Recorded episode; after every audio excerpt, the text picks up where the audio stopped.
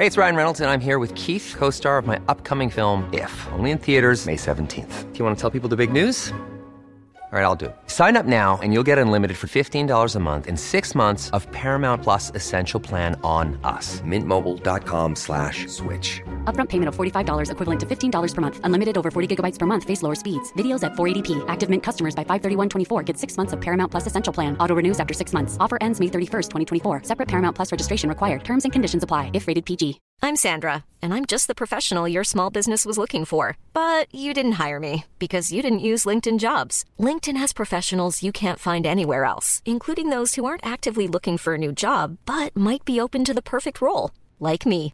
In a given month, over 70% of LinkedIn users don't visit other leading job sites. So if you're not looking on LinkedIn, you'll miss out on great candidates like Sandra. Start hiring professionals like a professional. Post your free job on linkedin.com/people today. Imagine the softest sheets you've ever felt. Now imagine them getting even softer over time. That's what you'll feel with Bowl and Branch's organic cotton sheets. In a recent customer survey, 96% replied that Bowl and Branch sheets get softer with every wash. Start getting your best night's sleep in these sheets that get softer and softer for years to come. Try their sheets with a 30-night guarantee. Plus, get 15% off your first order at bowlandbranch.com. Code BUTTERY. Exclusions apply. See site for details.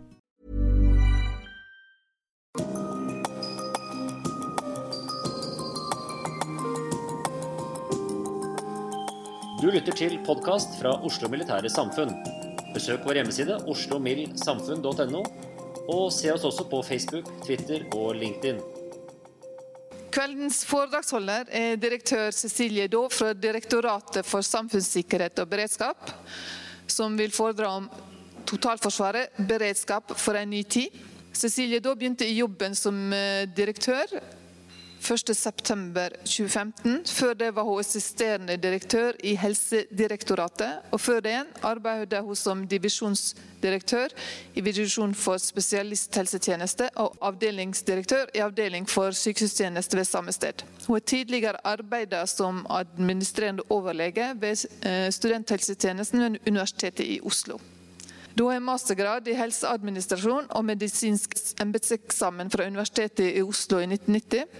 Hun har også gjennomført sjefskurset ved Forsvarets høgskole. Og det syns vi som er militære alltid er stas når sivil har gått på, på høgskolen vår. Direktør Cecilie Daae, vær så god, talerstolen er din. Takk for det. Det er kjempeviktig med tilbakemeldinger. Så hvis jeg snakker meg bort fra mikrofonen, så må dere si ifra på samme vis. Det var det jeg skulle si at jeg eh, syns også det har vært stas å gå på sjefskurset. Og jeg pleier å si at det var da jeg fikk for mye luft under vingene og skjønte at det fins et liv utenfor eh, helsesektoren. Og jeg kommer litt tilbake til eh, det, men det ble faktisk av avgjørende betydning for meg. Jeg gikk på sjefskurs 12. Jeg vil jo si tusen takk for anledningen til å holde foredrag i Oslo Militære Samfunn. Det er jo både en ære og en glede for meg og for Direktoratet for samfunnssikkerhet og beredskap. Og jeg skal snakke med overskriften 'Totalforsvaret beredskap for en ny tid'.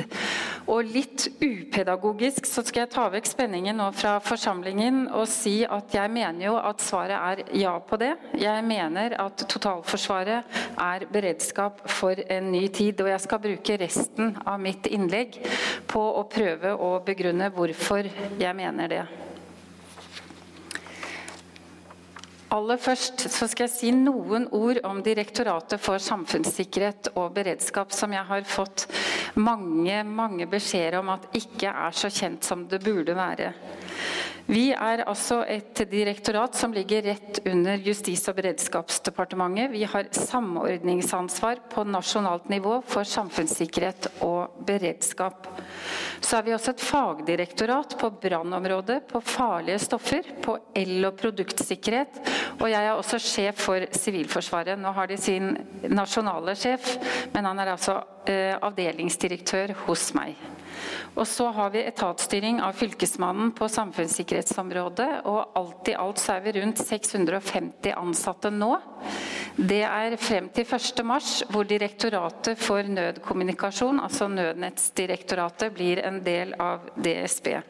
De er et sted mellom 80 og 90 ansatte, så det skjer veldig snart. Vi understøtter Justis- og beredskapsdepartementet og deres samordningsansvar i henhold til en egen kongelig resolusjon som er under revisjon akkurat nå. Vi holder til i Tønsberg, på Brygga. Vi er altså et av de direktoratene som er lagt utenfor Oslo-gryta. Og vi er samlokalisert med Valgdirektoratet, som vi også er basisleverandører til på IKT-området. Jeg som skal snakke noe om de hybride utfordringene vi står overfor også, er jo av de som er mer enn vanlig opptatt av også det som går på cyber og IKT-sikkerhet, bl.a. med det som bakgrunn. Men vi samarbeider godt og har stor tillit til hverandre og et utmerket samboerskap. I tillegg så holder biskopen i Tunsberg til sammen med oss, og han har omdøpt seg selv nå til Direktoratet for åndelig beredskap og himmelferd, så vi er i ganske godt selskap, mener vi selv der nede. Norge er et stort, lite land, og jeg pleier å si at det er sånn vi vil ha det. Men Erna Solberg sa i sin nyttårstale nå 1.1 at historien har også lært oss hvordan det er å være en liten brikke i stormaktenes spill. Og Spørsmålet er jo hvordan vi skal løse de beredskapsmessige utfordringene som bl.a. dette medfører. Vi er få mennesker i et stort land. Vi må bruke ressursene klokt. Vi må bruke dem tverrsektorielt. Vi må tenke lokalt, regionalt, nasjonalt og internasjonalt. Vi må tenke privat-offentlig samarbeid. Vi må tenke samarbeid med de frivillige. Og vi må tenke sivil-militært samarbeid. Og jeg er også mer og mer opptatt av at vi må sikre beredskap i den enkelte, altså den enkelte borger i Norge. Alle kriser rammer jo først lokalt og må håndteres der innledningsvis. Og vi ser jo at norske kommuner eksempelvis gang på gang klarer seg utmerket selv ved veldig store hendelser. Svalbard er et godt eksempel. Men det er også en sårbarhet der som jeg vil komme lenger inn på. Og noe av det som slår meg som er en veldig krevende diskusjon for tiden, det er diskusjonen omkring sentralisering og robuste systemer versus det vi trenger desentralisering sentralt for å skape robusthet der. Og det å finne den riktige balansen i dette, det er krevende og veldig på agendaen om dagen. Samfunnssikkerhet drøftes jo ofte nå opp mot det som er politi og forsvar. Og Noe av det som jeg er opptatt av, og vi er opptatt av, er å fremføre en logikk som legger seg på det. Det er altså sånn at det å styrke politi og forsvar etter vår oppfatning er viktig og riktig. Men det er samtidig nødvendig å forstå og se helheten, for også disse systemene er helt avhengig av at det sivile samfunnet fungerer og leverer. Særlig på kritiske samfunnsfunksjoner som kommunikasjonssystemer, kraftforsyning, forsyningssikkerhet, helsesystemer, bare for å gi noen eksempler. Så samfunnssikkerhet dreier seg om vern om liv og helse, demokrati og styringsevne og kritiske samfunnsfunksjoner. Og Samfunnssikkerhet dreier seg da om å bygge et samfunn som er inkluderende, robust og som har styrke til å møte det som måtte komme. Og Det eneste vi vet, det er at den neste krisen som rammer oss, ikke vil være helt lik den hendelsen vi akkurat har håndtert. Noe av det som jeg prøver å løfte frem som, tydelig, som, et tydelig budskap, er at vi har kunnet i mange mange, mange år nå investere mer i velferd enn sikkerhet. Jeg mener vi må drøfte nå om den balansen er riktig og fornuftig også på samfunnssikkerhet og beredskapsområdet på sivil side for øvrig. Og det var flott. Jeg holdt et innlegg for, eh, for Sanitetskvinnen, og da var det en som reiste seg opp og sa Men Cecilie, velferd er jo også sikkerhet. Og det syns jeg var en fin måte å se det på. Det tenker jeg også at det er et viktig perspektiv i det hele. Det er dette helhetlige utfordringsbildet som er den store utfordringen på samfunnssikkerhet og beredskapsområdet, både nasjonalt og internasjonalt. Og det er altså sånn at Der er den sikkerhetspolitiske situasjonen og dimensjonen bare en del av et krevende helhetsbilde, men det samspiller naturligvis. I Norge så har vi en norsk beredskapsmodell som er veldig vakker. Den er verdibasert, den er dugnadsorientert, den er desentralisert. Den er basert på stor grad av frivillighet. Og jeg mener at dette selvfølgelig må fortsette. Men utfordringen er om denne modellen gir motstandskraft og utholdenhet nok, gitt ulike deler av krisespekteret. Altså det som man nå kaller for resiliens, bl.a. i Nato-sammenheng. Og noen eksempler som er ganske enkle, som viser at det er krevende, er f.eks. For forholdene knyttet til hvordan en kommune ble helt drenert for rett og slett beredskap i sommer på Trolltunga og Prekestolen, bare som to veldig enkle eksempler. Og Hadde man fått tilleggsutfordringer, andre ting som hadde skjedd samtidig, så ville det vært utrolig krevende over tid. Det er særlig over tid at dette med utholdenhet og motstandskraft blir utsatt. Og Vi ser også at det skjer mer og mer og flere og flere hendelser i samtidighet og oppå hverandre som kaskader. Og Det skaper også nye typer av utfordringer. Vi hadde et snøfall i Agder her, og da fikk jeg et rasende brev fra en som bodde nede på Sørlandet, som hadde mistet vei. Han hadde mistet eh, helsetilbudet sitt, for han måtte kjøre for å komme dit. Han hadde mistet mobildekning, og han kom seg ikke til butikken. Så han skrev altså til NVE, Telia, Telenor, DSB og Vegdirektoratet, og hovedbudskapet var at sånn kan vi ikke ha det. Og jeg er jo ikke helt uenig i det, men det er relativt krevende å gjøre noe med hybride hendelser. Er det noe nytt, eller er det ikke noe nytt? Vi drøfter dette. Men det er ingen tvil om at vi også i Norge kan bli rammet av hybride hendelser som kan ta ut viktige samfunnsfunksjoner.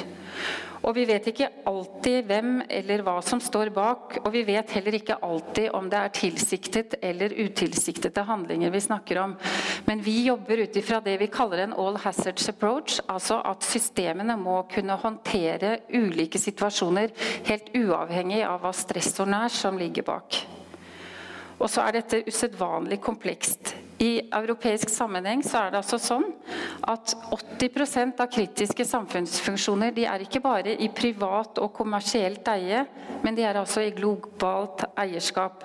Så dette er usedvanlig krevende å jobbe med, og jeg mener at Forsvarets logistikkorganisasjon utfører et foregangsarbeid i forhold til eksempelvis det de jobber med av avtaler med beredskapsklausuler. Jeg tror vi må ta fram mye av den type tenkning igjen.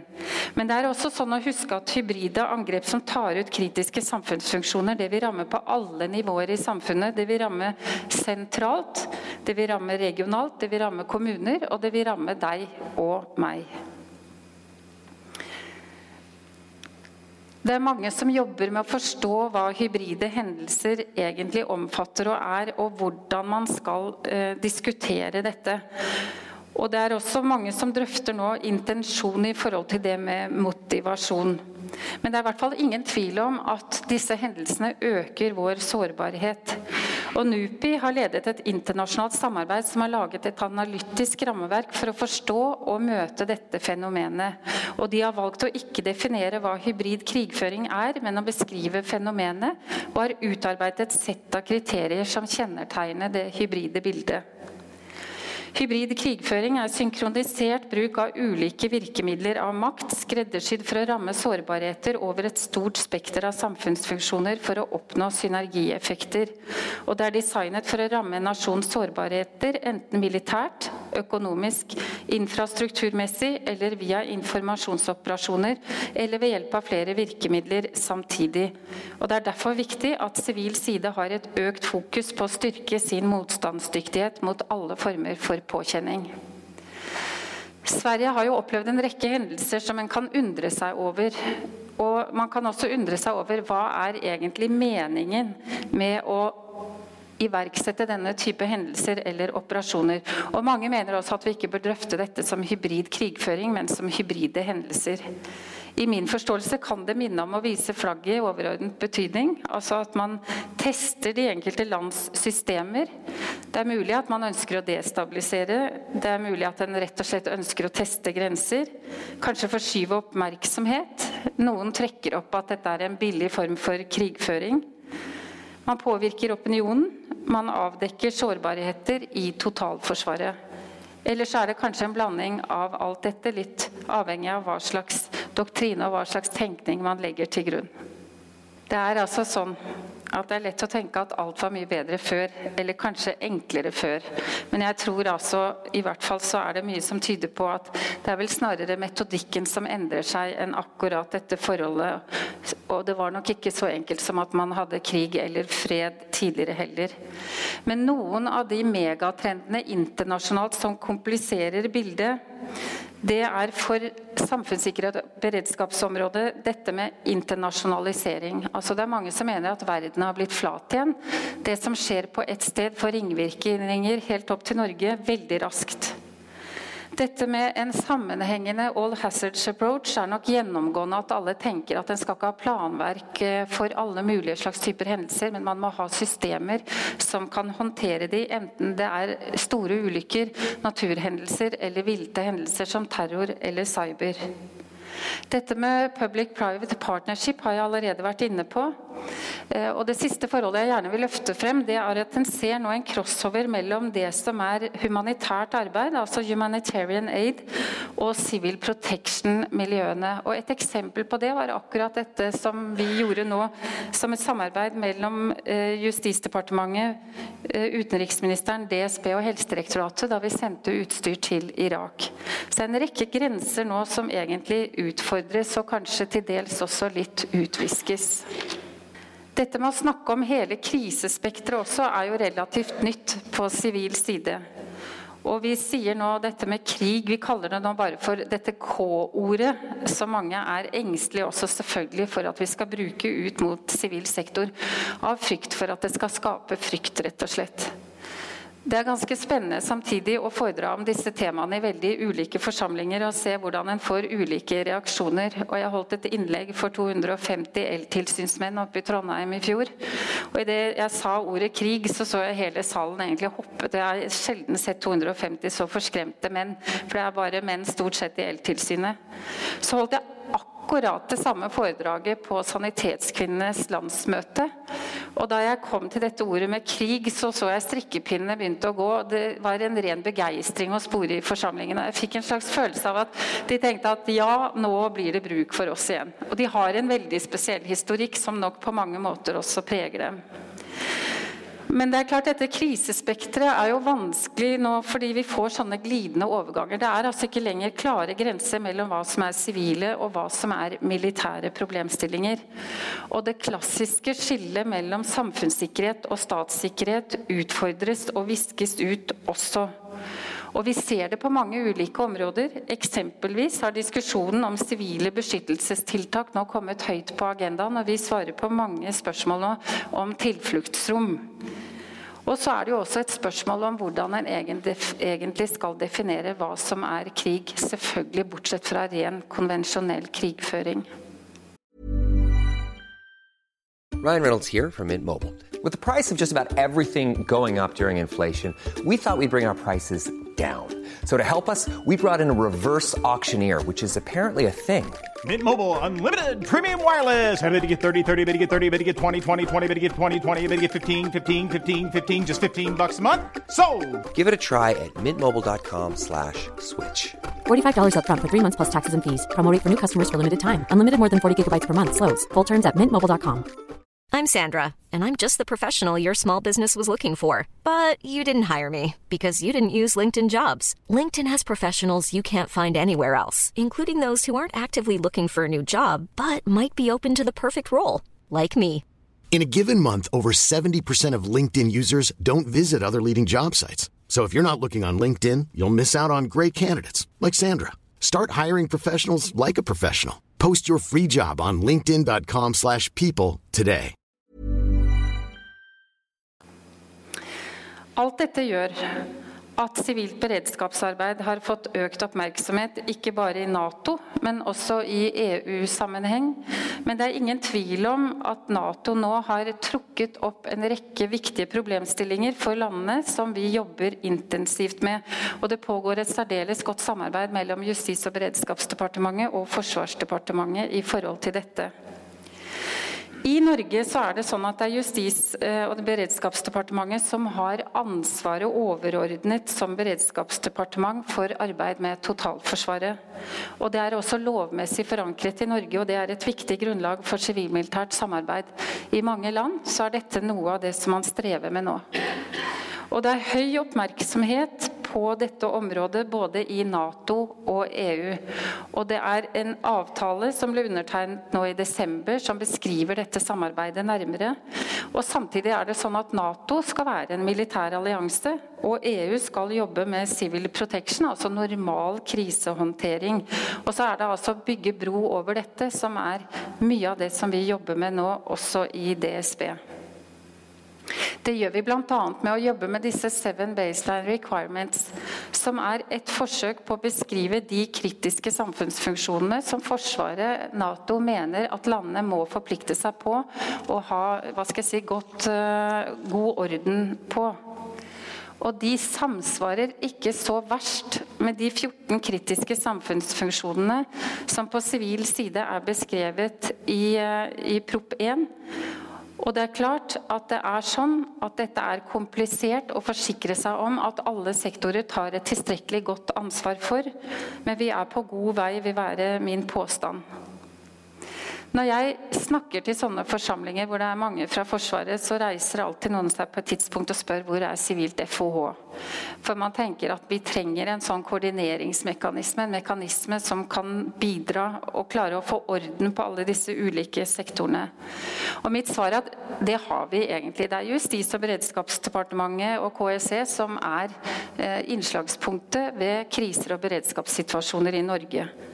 Og så vil andre etater og direktorater ha ansvar avledet av det, eller andre departementer, avhengig av hva slags krise man står i. Og Min påstand er at dette fungerer, men det krever mye samordning og det krever mye koordinering. Og Der har DSB en rolle. Jeg har vært nå i flere diskusjoner om dette med sektorprinsippet, og jeg er en av de få som tar til orde for sektorprinsippet og mener at det er veldig ryddig og bra måte å organisere et samfunn på, fordi det skaper helt tydelige ansvarslinjer. Men det er krevende, det er ingen tvil om det. Men noe av det som vi tenker er løsningen, er jo bl.a. dette med å jobbe med å styrke totalforsvaret. Og det er her jeg altså sier at Totalforsvaret er ja, det er beredskapsarbeid for en ny tid. Og vi har et totalforsvar. Der er vi også heldige i Norge. Men vi må videreutvikle det, og vi må modernisere det. Forsvaret er altså ikke å hente planene og strukturene fra 50- og 60-tallet alene.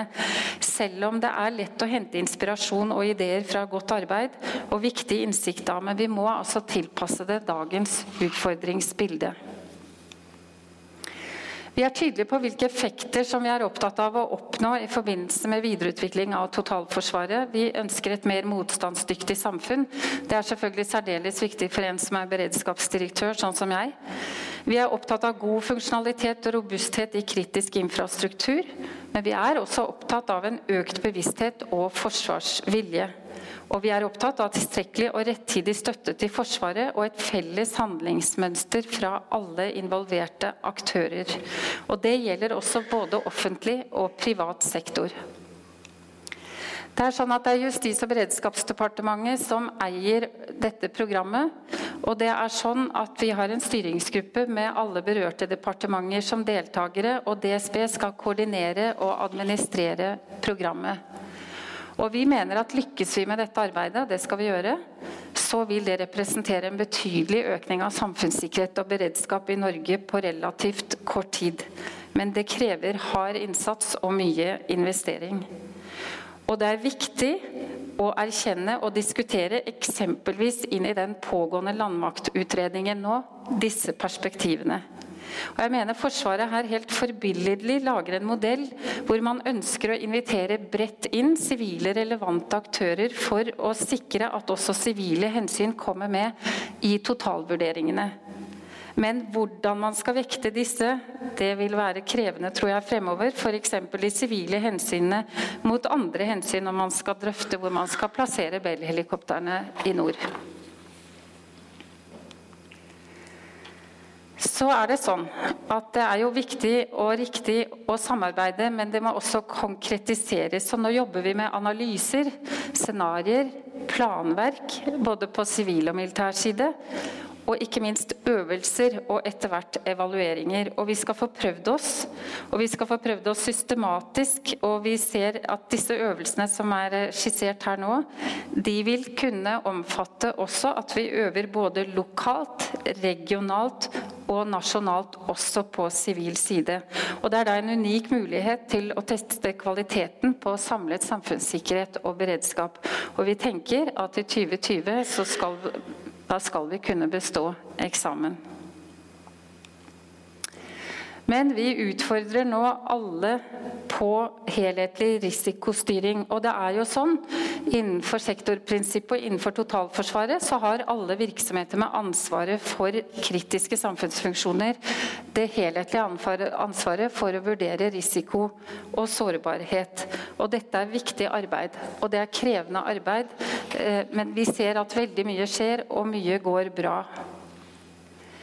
DSB prøver å jobbe systematisk med å understøtte dette arbeidet. Så vi har altså laget, eh, og ut ifra det vi kaller denne all hazards approach, så vi har laget nasjonalt risikobilde som omdøpes fra 2017, hvor vi lager ulike scenarioer som skal være grunnlag for det planverket som de ulike sektorene må forberede seg på å ha. Og Der har vi gruppert tre typer av hendelser. Det er natur, naturhendelser, katastrofer, storulykker og villete handlinger som terror og cyber. Og Vi har laget oversikter, nå helt nyrevidert, over samfunnets kritiske samfunnsfunksjoner. Og som sagt så er formålet her ikke bare å påpeke disse, men også nå å jobbe oss videre med å prøve å analysere og adressere at sårbarheter også handler om avhengighet. Så det er altså ikke nok at man tar ansvar for sin egen samfunnskritiske funksjon. Man må jobbe også med de avhengighetene man ser i forhold til andres samfunnskritiske funksjoner dersom vi skal få dette til. Og det er ganske komplisert, ikke minst på analysenivå. Det er også et spørsmål om hvem som skal se helhetene i delene. Og man kan gjøre det så enkelt med et eksempel som hvis det skjer mange ting på mange steder på en gang, hvem er det som har et ansvar for å sette disse bitene til sammen? Og vi tenker at DSB og andre myndigheter har et ansvar for å gjøre dette sammen, og vi samarbeider stadig bedre. Men det er nok sånn at når det gjelder f.eks. informasjonsoperasjoner, opinionspåvirkning, så tenker DSB å ta et særlig ansvar for det. Fordi vi også har et særlig ansvar for risiko- og krisekommunikasjon. Og da tenker vi også ut mot befolkningen. Vi har et behov for å øke bevisstheten knyttet til informasjonsoperasjoner. Vi må lage krisescenarioer, sånn at vi kan forberede oss også på at disse tingene skjer i Norge. Og vi må utarbeide en nasjonal strategi for håndtering av informasjonsoperasjoner. I Sverige har de jobbet systematisk med dette over mange år, så vi har også gode forbilder å se til. Når jeg blir spurt øh, å trekke fram dette helhetlige, krevende utfordringsbildet, hvilke svar jeg har å gi på hvordan Norge skal klare å håndtere dette, så har jeg fem svar. Vi må jobbe med utholdenhet og motstandskraft, altså resiliens, inn i den enkelte, i kommuner, regionalt og nasjonalt. Og vi må jobbe ut ifra en all hazards og holistisk approach. Her er det Patrick Turner som sier hva han mener med en sånn helhetlig, uh, helhetlig tilnærming. Og jeg syns det er en veldig god oppsummering. Vi må videreutvikle totalforsvaret. Vi må jobbe med Sivilforsvaret og modernisere det. Og vi må jobbe videre med sivilmilitært samarbeid. Og vise verden at vi er klare, som noen har sagt. I noen perioder så har jeg vært litt fortvilt over at samfunnssikkerhet og beredskap på sivil side har vært lite på agendaen eh, utover dette som går på forsvar og politi. Der er vi ikke nå. Det er høyt på agendaen. Mye omhandler nå, sånn som i helgen, diskusjonen om vi er nå et annet sted fem år etter 22.07.2011. Er vi bedre rustet i det helhetlige sivile samfunnssikkerhetsarbeidet enn vi var den dagen? Og jeg tror at på en rekke områder så er svaret ja. Og det er iverksatt en hel rekke tiltak. Men det som er veldig krevende, det er at vi har et helt endret utfordringsbilde bare i løpet av den samme perioden. Og om alle disse tiltakene som vi har jobbet systematisk med, kontrer dette nye utfordringsbildet, det tror jeg er vanskeligere å gi et helhetlig svar på. Jeg føler jo tidvis at jeg vandrer rundt som en slags dommedagsprofet og spår, eh, om ikke spår eh, ting, så er det i hvert fall et nokså krevende og, og, trist eh, budskap jeg har. Så jeg prøver å gjøre noe med det. Jeg prøver å trekke opp litt humoristiske ting innimellom, selv om det kan være vanskelig, men det skal jo skje på en passende måte. Men det er klart jeg kommer fra en bransje som er helse, hvor folk er veldig redde for helsa si. Og vi jobbet jo mye med en tenkning som gikk på at vi ikke må gjøre alle til risikanter. Og Av og til så pleide jeg også å si når jeg ble oppgitt nok over hvor redde folk var for å bli syke, og sånn at så lenge dødeligheten er 100% så må vi på en måte håndtere det meste. og Det er jo tross alt noe i det. Men det er klart vi ser at når vi kommer tydelig frem nå, så blir folk redde. Og vi kjenner I DSB har vi fått de første telefonene nå, hvor folk ringer og spør hvordan de skal oppføre seg, hva de skal forberede seg på. Eh, og det er selvfølgelig en diskusjon hvordan dette skal balansere, balanseres hele veien. Jeg blir ofte spurt om hva jeg er reddest for. Eh, og jeg må nok si at det er nok ikke det sikkerhetspolitiske bildet akkurat nå, selv om jeg ser at det er under eh, endring, for å bruke et sånt uttrykk. Men det er nok klimaendringene som er høyest på min agenda som, som direktør for Direktoratet for samfunnssikkerhet og beredskap, veldig fort fulgt av pandemi. Og Mange mener jo at vi er i en prepandemisk periode, og jeg tror at det er mye som kan tilsi at det ser sånn ut. og det er et krevende, krevende bilde. Vi har nettopp gjennomført en befolkningsundersøkelse da, for å se hva befolkningen er mest bekymret for de kommende fem år. Og Det er ikke helt overlappende med i hvert fall hva jeg er aller mest bekymret for. Men ikke desto mindre antagelig veldig preget av hendelser som nettopp har skjedd, og som er veldig skremmende. Så man er mest bekymret for terrorangrep på norsk jord og cyberangrep på styringssystemer. Det befolkningen er minst bekymret for de kommende fem årene, det er altså en forsyningskrise, og så er det krigshandlinger på norsk jord. I forhold til det første så har vi akkurat gjennomført en mat- og risikoanalyse på nasjonalt nivå som viste at befolkningen vel kanskje har rett på det området. Det står slett ikke så gærent til, gitt en rekke forutsetninger som man kan bekymre seg for. Eh, men krigshandlinger på norsk jord det er altså ikke veldig skremmende eller veldig tenkbart, tror jeg nok er mer riktig for den norske befolkning. Når vi spør hva folk tror at myndighetene er gode på å håndtere, så er det nok der hvor vi har mengdetrening. altså Det er naturhendelsene. Og jeg tror at det er ganske riktig. Men til bekymring for meg, så er det at de hendelsene innbyggerne tror at myndighetene på ansvarssiden vil håndtere dårligst, er i grunn veldig likt med noe av det som de er mest bekymret for og reddest for. Og hvordan vi skal klare å, formulere og sikre at vi eh, klarer å vise at vi jobber systematisk også på disse områdene, det er jeg opptatt av nettopp for. Og også sørge for at befolkningen vår skjønner at Norge fortsatt er et svært godt og trygt land å bo i. Og så har vi mislykkes totalt som Direktoratet for samfunnssikkerhet og beredskap på dette området. For vi har brukt mye tid og mye arbeid på å si at folk må gjøre en privat risiko- og sårbarhetsanalyse. Og de må tenke hvordan skal de klare seg uten strøm fra 24 timer til 2-3-5-6 dager. Og det er de altså veldig lite bekymret for. Eh, så der har jeg en jobb å gjøre for at folk skal forberede seg på dette. For jeg tror det vil være relativt krevende.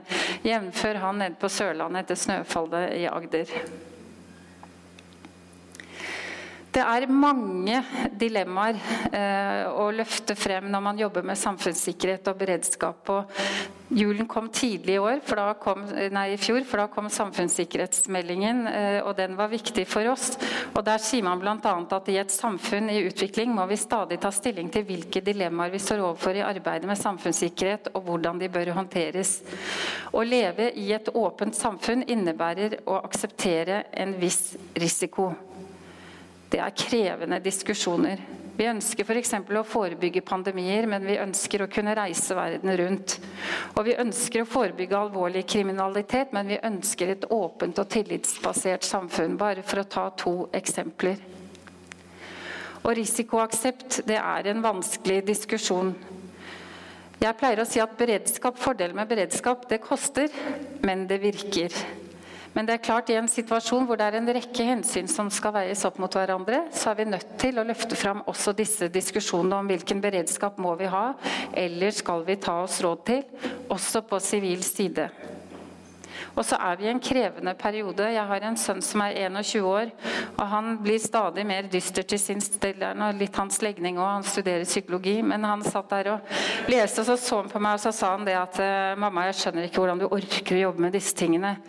Og så for å, for å liksom gjøre bildet helt stort, så sa han nei, denne tiden vil bli skrevet inn i historiebøkene, sa han dystert. Og det tror jeg er helt riktig. Det gjelder jo for så vidt de fleste historiske perioder, så han tar ikke feil der. Men det er altså hans opplevelse som 21-åring. Og det handler jo om dette. Og nå har vi nettopp hatt et nytt eksempel fra Svalbard. Og jeg vil virkelig rose Svalbardsamfunnet. Vi gjorde en evaluering der i fjor. De har fulgt opp læringspunktene på en veldig eksplisitt og eh, intensiv måte. Og det har vært nedlagt et stort arbeid hos Sysselmannen i lokalstyret med NVE. Og så er det bare det at naturen tar ikke hensyn til det. Og noe av det som er krevende på samfunnssikkerhet og beredskapsområdet, det er at jeg mener at der kan man ikke operere med en nullvisjon. For det er altfor mange ting som er utenfor vår kontroll på det området, uansett hva vi gjør. En av mine helter er Per Fugli, og han har skrevet en bok som heter 'Vaksinen mot frykt, terror og rasisme'. Nå er det sikkert mange av dere som så ham på Skavlan, så han skriver jo på en annen og langt tristere og dystrere bok, dessverre. Men han skriver i denne boken at vi lever i det tryggeste sekundet i historien på det tryggeste sted på kloden. Nyt det. Og så sier han at trygghet er livets grunnmur, men for å være trygg må du inngå samliv med fare. Og han sier også hva kommer det av at vi er så redde? Og så er vi som DSB veldig stolte av den boken, for han har omtalt DSB to ganger. Men jeg frykter at han kanskje gjør litt narr av oss også, for han har skrevet her at Gud er nesten død. Han var et beroligende middel. Vi kunne synge 'Han er vårt skjold og verge' i stedet for å legge denne byrden på Cecilie Daa, har Per Fugli skrevet. Men jeg tar nå ikke den på meg helt, helt alene. Disse tegningene er det mange av dere som kjenner. og Det bringer meg til slutten av innlegget mitt. Men også dette med hvordan skal en målbære disse dilemmaene, disse diskusjonene, uten å skremme vettet av oss, og samtidig sikre oppmerksomhet nok. For vi er helt nødt til å ha en helt annen type oppmerksomhet nå på videreutvikling av totalforsvaret enn det vi har trengt i mange, mange, mange år. Og noen ganger når jeg holder sånne foredrag, og det sitter mange der med, med grått hår, så pleier jeg å spørre og si at jeg leter av og til etter han der som bestemte at vi skulle bygge ned all beredskap i Norge på 70-tallet eller 80-tallet eller 90-tallet. Det er ingen som har reist seg opp enda og sagt at det er meg.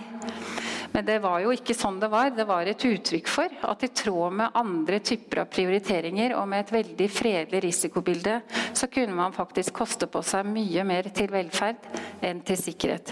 Og min påstand er at det er vi nødt til å gjøre noe med nå. Takk.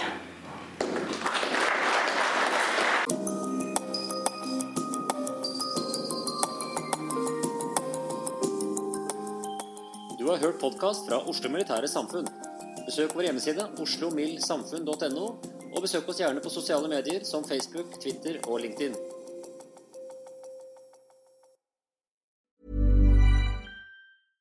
Imagine the softest sheets you've ever felt. Now imagine them getting even softer over time. That's what you'll feel with Bowl and Branch's organic cotton sheets. In a recent customer survey, 96% replied that Bowl and Branch sheets get softer with every wash. Start getting your best night's sleep in these sheets that get softer and softer for years to come. Try their sheets with a 30-night guarantee. Plus, get 15% off your first order at bowlandbranch.com. Code BUTTERY. Exclusions apply. See site for details.